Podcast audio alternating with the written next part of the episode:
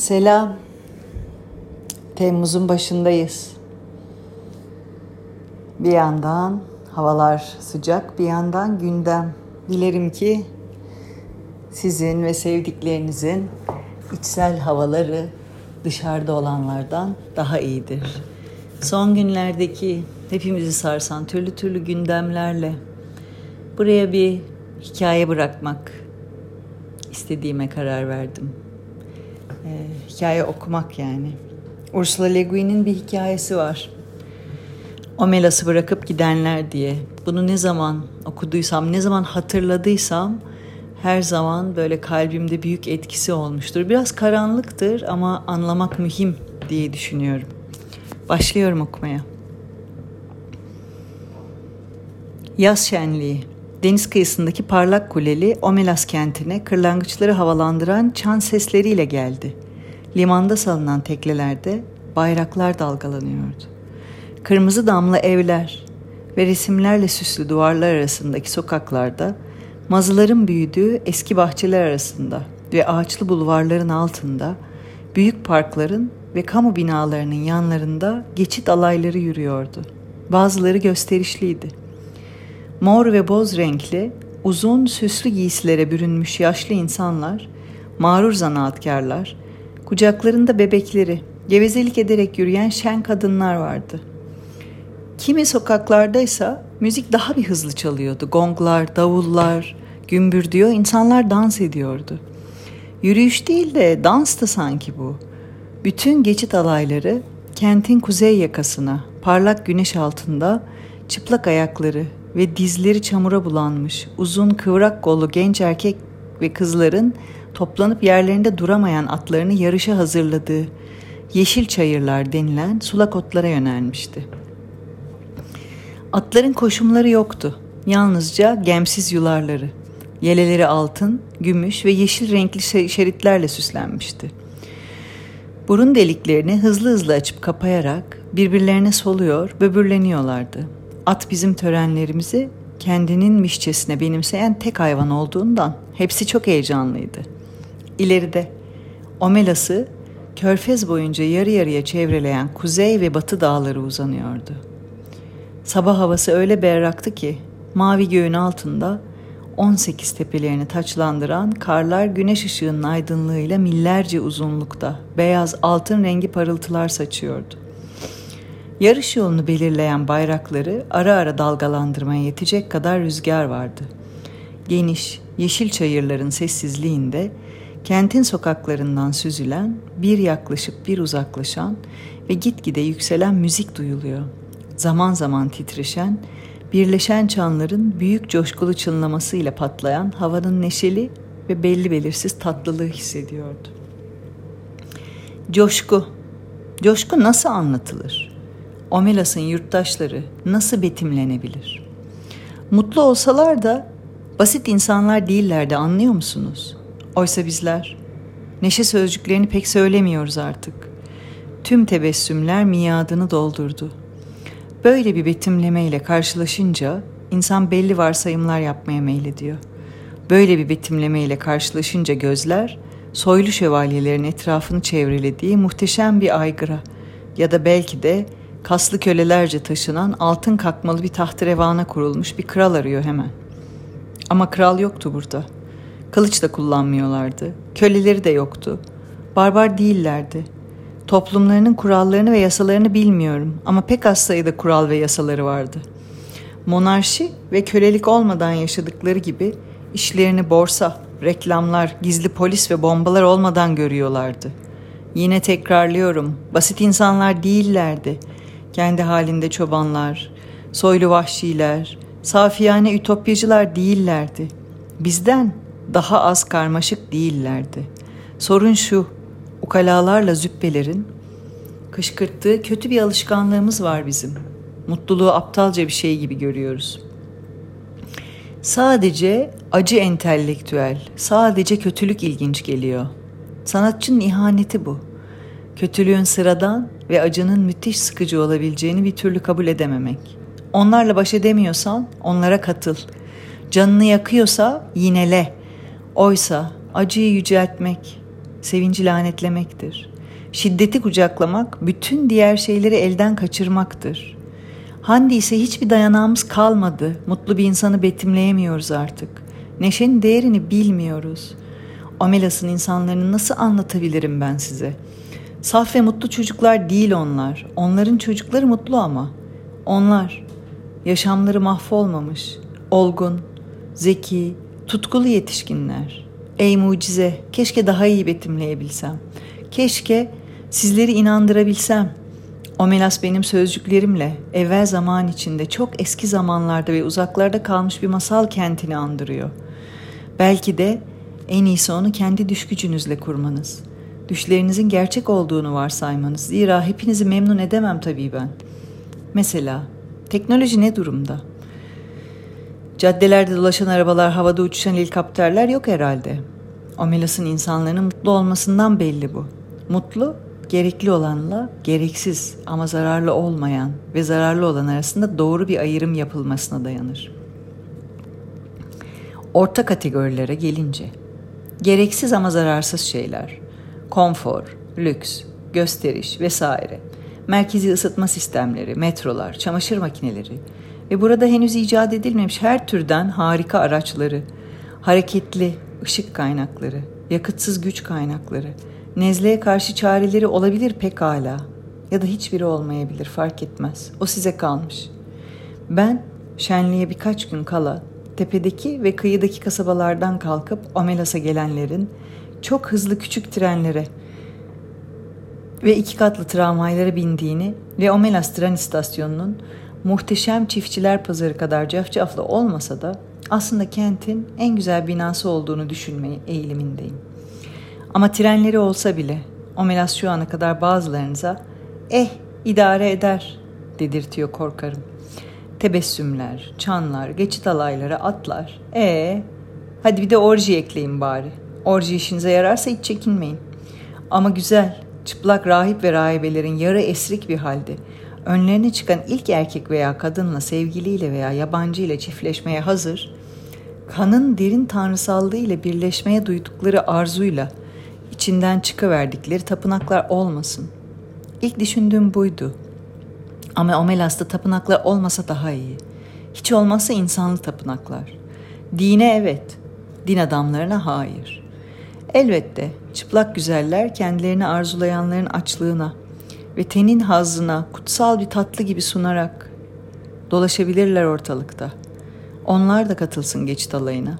Çiftleşenlerin üzerinde davullar gümbürdesin ve gonglarla arzunun zaferi ilan edilsin ve yabana atılmayacak bir nokta. Bu haz dolu ayinlerden doğan çocuklar herkes tarafından sevilsin ve büyütülsün. Bildiğim bir şey varsa o da Omelas'ta suçluluk duygusu olmadığı. Ama başka ne olmalı? Başlangıçta uyarıcılar olmamalı diye düşünmüştüm ama pek sofuca bu. Sevenleri varsa Druz'un hafif ve kalıcı kararlılığı, tatlılığı doldurabilir kentin sokaklarını. Druz, zihni ve kasları büyük ışık ve parıltıyla kaplar önce. Birkaç saat sonra bir düş rehavetiyle ve nihayet evrenin en gizli sırlarıyla ilgili harika görüntülerle birlikte inanılmaz bir cinsel haz uyandırır. Üstelik alışkanlık da yapmaz. Daha mütevazi beğeniler içinde bira olabilir sanıyorum. Başka ne olabilir ki coşku kentinde? Zafer duygusu elbette, cesaretin kutlanışı ama din adamları olmadan yapabiliyoruz madem, askerler de olmasın. Başarılı katliamlara dayalı coşku, haklı bir coşku değil. İşimize yaramaz, korkunç, basit. Bir dış düşmana karşı olmaktan değil, tüm insanların ruhundaki en güzel ve en haklı şeylerle, dünyadaki yazın ihtişamıyla birleşmekten doğan sınırsız ve cömert mutluluk. Omelas'ın insanların göğüslerini kabartan budur ve kutladıkları zafer de dirimin zaferi. Çoğunun duruza gerek duyduğunu sanmıyorum.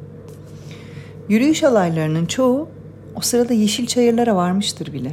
Yeşil ve mavi mutfak çadırlarından nefis bir yemek kokusu gelir. Küçük çocukların, sevimli incecik yüzleri, bir adamın müşfik aksakalına bir pastanın kırıntıları takılmış. Genç erkekler ve kızlar atlarına bindiler ve başlangıç hattında toplanıyorlar. Ufak tefek, şişman, güleç yüzlü yaşlı bir kadın Elindeki sepetten çiçekler dağıtıyor. Uzun boylu genç erkekler ışıl ışıl saçlarına onun çiçeklerini takıyorlar. 9-10 yaşlarındaki bir çocuk kalabalığın dışına oturmuş. Kendi başına kaval çalıyor. İnsanlar dinlemek için susuyor ve gülümsüyorlar. Ama onunla konuşmuyorlar. Çünkü çalmayı bırakmaz. Onları görmez. Koyu renk gözleri şarkının tatlı incecik büyüsüne dalmıştır. Bitiriyor ve kavalı tutan ellerini yavaş yavaş indiriyor.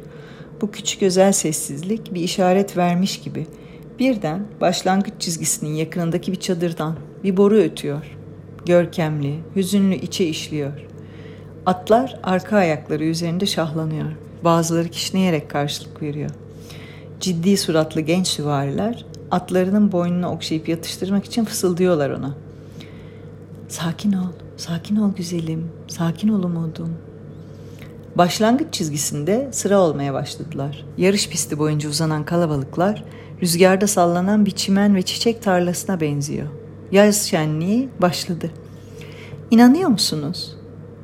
Şenliği, kenti, coşkuyu kabul ediyor musunuz? Hayır mı? Öyleyse bir şey daha anlatayım size.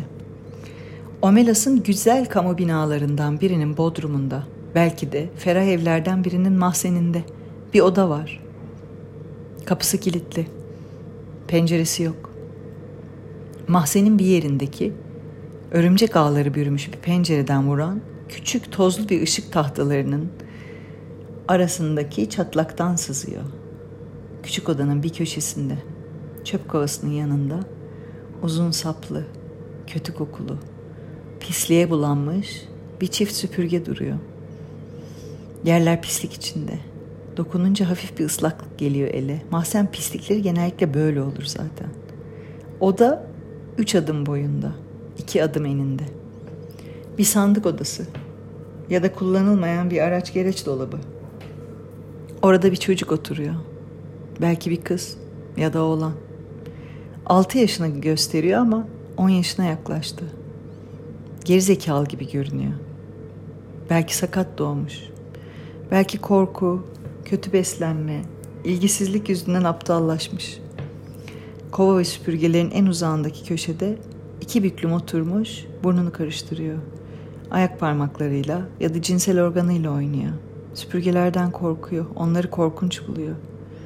Gözlerini kapatıyor ama süpürgelerin hala orada durduğunu, kapının kilitli olduğunu, kimsenin gelmeyeceğini biliyor. Kapı hep kilitli, kimse gelmiyor. Sadece zaman zaman çocuğun zaman ve süre kavramı yok. Kapı açılıyor. Birisi ya da birkaç kişi görünüyor. İçlerinden biri gelip çocuğu tekmeleyerek kaldırıyor. Ötekiler yaklaşmıyorlar hiç. Yalnızca korku ve tiksintiyle süzüyorlar onu. Yiyecek kabı ve su çanağı çabucak dolduruluyor. Kapı kilitleniyor. Gözler kayboluyor.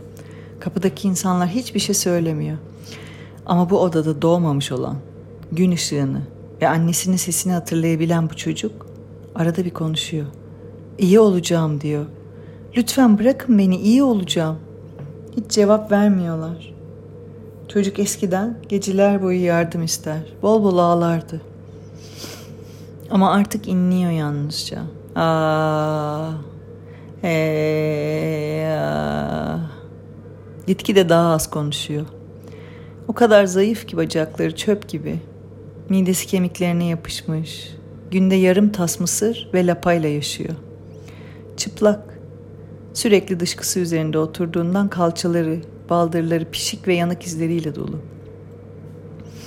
Hepsi, Omelas'ın tüm insanları onun orada olduğunu biliyorlar. Bazıları görmeye geliyor.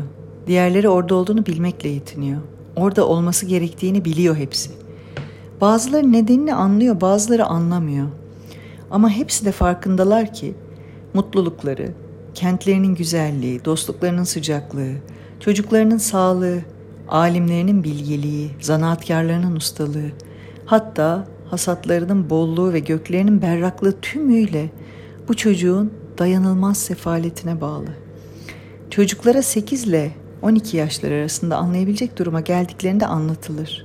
Ve bu çocuğu görmeye gelenler çoğunlukla gençlerdir. Ama sık sık yetişkinlerden biri de çocuğu görmeye ya da bir kez daha görmeye gelir. Mesele onlara ne kadar iyi anlatılırsa anlatılsın. Bu genç seyirciler gördüklerinden şaşkına döner, sersemlerler. Aşmış olduklarını sandıkları tiksinti duygusuna kapılırlar. Tüm açıklamalara rağmen öfke, kızgınlık, çaresizlik hissederler. Çocuk için bir şey yapmak isterler ama ellerinden bir şey gelmez. Eğer çocuk o iğrenç yerden gün ışığına çıkarılırsa, temizlenir, beslenirse eğer o gün, o saatte Omelas'ın tüm refahı, güzelliği, hazzı yok olacak, yıkılacaktır. Koşullar bunlardır. Omelas'taki her bir yaşantının iyiliğini ve güzelliğini küçük bir düzelme uğruna feda etmek, tek bir insanın mutluluğu uğruna binlerin mutluluğunu fırlatıp atmak, suçluluk duygusunu içeri almak olacaktır bu. Koşullar sert ve kesin. Çocuğa tek bir güzel söz söylenemez. Genç insanlar çocuğu gördükten ve bu korkunç paradoksla yüz yüze geldikten sonra gözyaşları içinde ya da gözyaşsız bir hiddetle eve dönerler çoğu kez. Haftalar veya yıllar boyu düşünebilirler bunun üzerine. Ama zaman geçtikçe anlamaya başlarlar ki çocuk salı verilse bile özgürlüğünü elde edemez. Sıcaklık ve yiyeceğin vereceği küçük, belli belirsiz bir zevk. Tamam hepsi bu. Gerçek bir coşkuyu tanıyamayacak kadar aşağılanmış ve aptallaşmıştır. Korkudan kurtulamayacak kadar uzun bir süre korkarak yaşamıştır. Alışkanlıkları insanca muameleye uyum göstermez. Öyle ki onu koruyacak duvarlar, gözleri için karanlık ve üstüne tüneyeceği dışkı olmazsa mahvolacaktır. Gerçekliğin korkunç adaletini anlamaya başlayıp kabullenince bu acı adaletsizlik için akıttıkları gözyaşları kurur. Yine de gözyaşları ve öfkeleri, iyilikleri, sınamaları, çaresizliklerini kabul etmelerindendir belki. Belki de yaşamlarındaki ihtişamın gerçek kaynağıdır bu. Mutlulukları ruhsuz, sorumsuz bir mutluluk değildir. Çocuk gibi kendilerinin de özgür olmadıklarını bilirler. Duygudaşlığı bilirler. Mimarilerini soylu kılan, müziklerine o görkemi veren, bilimlerini yücelten şey işte bu çocuğun varoluşu ve onun varlığını bilmektir. O çocuk sayesinde çocuklara böylesine iyi davranırlar. Bilirler ki zavallı çocuk karanlıkta acı çekmezse öteki flüt çalan çocuk, genç süvariler yazın ilk sabahı tüm güzellikleriyle gün ışığında yarışmaya hazırlanırken o coşkulu müziği yaratamaz. Şimdi inanıyor musunuz onlara? Daha inanılır oldular değil mi? Ama anlatacağım bir şey daha var ve buna inanmak pek kolay değil. Zaman zaman çocuğu görmeye giden ergen kızlar ve oğlanlar onlardan biri ağlayarak veya hiddetle dönmez evine. Daha doğrusu evine dönmez. Kimi zaman da yaşlı bir insan ya da kadın bir iki gün susar, kalır. Sonra evini terk eder. Bu insanlar sokağa çıkar, sokakta bir başlarına yürürler. Yürüdükçe yürürler ve güzel kapılardan Omelas kentinin dışına çıkarlar.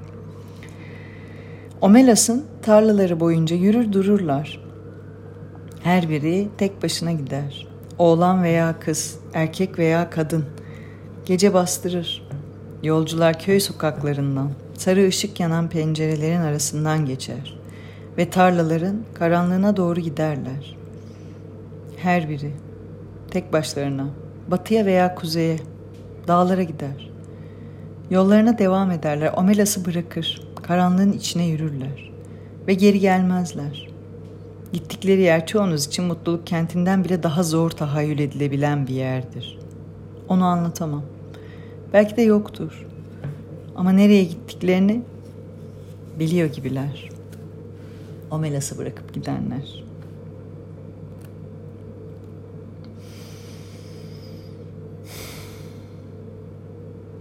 Sert. Sert bir hikaye değil mi? Küçük bir açıklama var. Onu da okumak istiyorum. Ursula Le Guin kendi yazmış bu tema üzerine. Bu psikomitin temel fikri olan günah keçisi teması Dostoyevski'nin Karamazov kardeşlerinden gelir.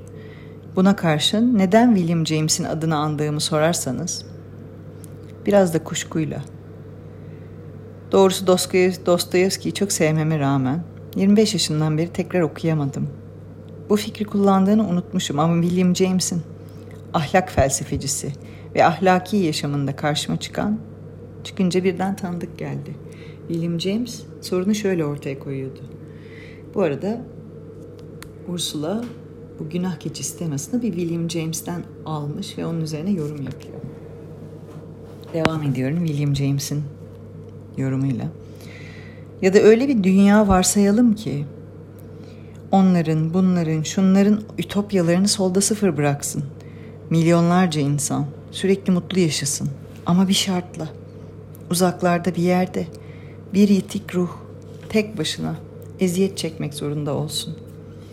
Bir an içimizden bize sunulan mutluluğa yapışmak gelse bile yine ilk kapılacağımız özgül ve bağımsız duygu bile isteye böylesi bir pazarlık yaparak elde edilen mutluluğun ne kadar çirkin olduğudur. İşte yaşadığımız zamanın vicdanı ikilemi bundan daha iyi ifade edilemez. Dostoyevski evet büyük bir sanatçı ve radikaldi. Ama onun ilk zamanlardaki toplumsal radikalizmi onu bir gerici haline getirdi. Muniz, saf dilce efendi görünen Amerikalı James ise hakikaten radikal bir düşünürdü. Ve yitik ruh pasajından sonra şöyle devam etti. Tüm yüce etkileyici idealler devrimcidir. Kendilerini geçmiş deneyimlerin etkileri olarak değil, gelecek deneyimlerin olası nedenleri, koşulları ve çevre ve bunların şimdiye kadar bize verdiği dersleri ise ayak uydurulması gereken etkenler olarak sunarlar. Bu iki cümle bu öyküye, bilim kurguya ve geleceğe dair tüm düşüncelere doğrudan uygulanabilir. Gelecekteki deneyimlerin olası nedenleri olarak idealler çok ince ve hayranlık uyandıran bir söz. Elbette oturup şimdi hadi yitik ruh üzerine bir öykü yazayım diye başlamadım. Bu işler böyle değil genellikle. Oturup bir öykü yazmaya başladım. Çünkü içimden gelmişti. Kafam, kafamda Omelas sözcüğünden başka bir şey yoktu. Bir karayolu levhasından geliyordu bu. Salem, Oregon. Tersten okunuşu. Salem'in tersten okunuşu. Karayolu levhalarını tersten okumaz mısınız siz? Dur, yavaş, dikkat. Rud, şavay, takit, uyu, uyu, salem, eşittir selam, eşittir barış, melas, o melas, o melas, hom elas. Bu fikirleri nereden buluyorsunuz Bayan Le Guin? Dostoyevski'yi unutarak ve karayolu işaretlerini tersten okuyarak tabii. Nereden bulabilirim? Açıklama düşündüğüm gibi olmadı benim. Olsun. E, Ursula'nın bu hikaye nasıl geldiğini duymuş olduk. Neden ben şimdi bunu okudum?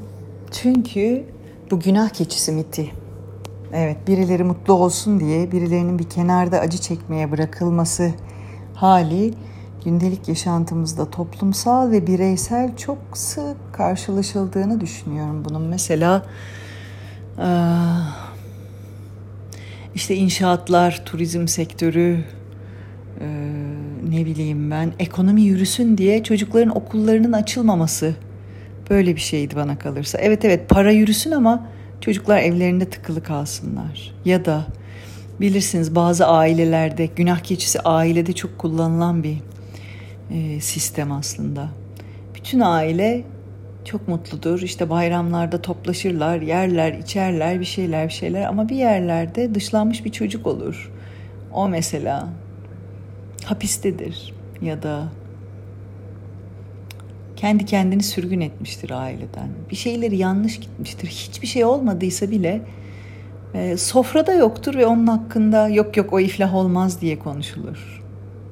İşte o iflah olmayan çocuk o ailenin yüzleşmek istemediği gölgesidir. Tıpkı o Melas'takilerin mutluluğunun karşılığının karanlık zindanda acı çeken o küçük çocuk olması gibi.'' O karanlık zindana o küçük çocuk, o mutluluğun bedeli, o ışıltılı, aydınlık pırıl pırıl hayatın gölgesi hapsedilir. Ve gölge orada yok sayarak, yok da saymıyorlar ama gölgenin orada olduğunu bilerek kendi hayatlarına devam eder bazıları. Çok acı değil mi? Çok acı değil mi? birilerinin mesela bu son zamanlardaki çocuk istismarları ile ilgili konular geliyor aklıma. Yetişkinler saçma sapan her ne ise işte o kendi içlerindeki istismar edilmiş çocuğu hmm, şifalandırma yoluna gitmedikleri için hayatta öyle bir yol olduğunu bilmedikleri için bu yarayı başka çocuklara aktarmaya devam ediyorlar. Ve bu biz diyoruz ki onlar suçlu. Kolay değil mi? Oysa ki suçlu olan koca bir toplum yok sayan. Hmm. Birbirini kapsamayan, şefkat göstermeyen, yaralı olanı tedavi etmeyen, onu yanlış deyip kenara atan ve o yanlışlığı iyileştirmesine izin vermeyen kocaman hasta bir toplum. Neyse biraz iç karartıcı oldu ama bazen de gölgeye bakmakta fayda var. Gölge yoksa aydınlık yok hiçbir zaman. Aydınlığı hayatımızı çağırmak için karanlıklarımızı ortaya dökmek gerek. Aydınlık günlere.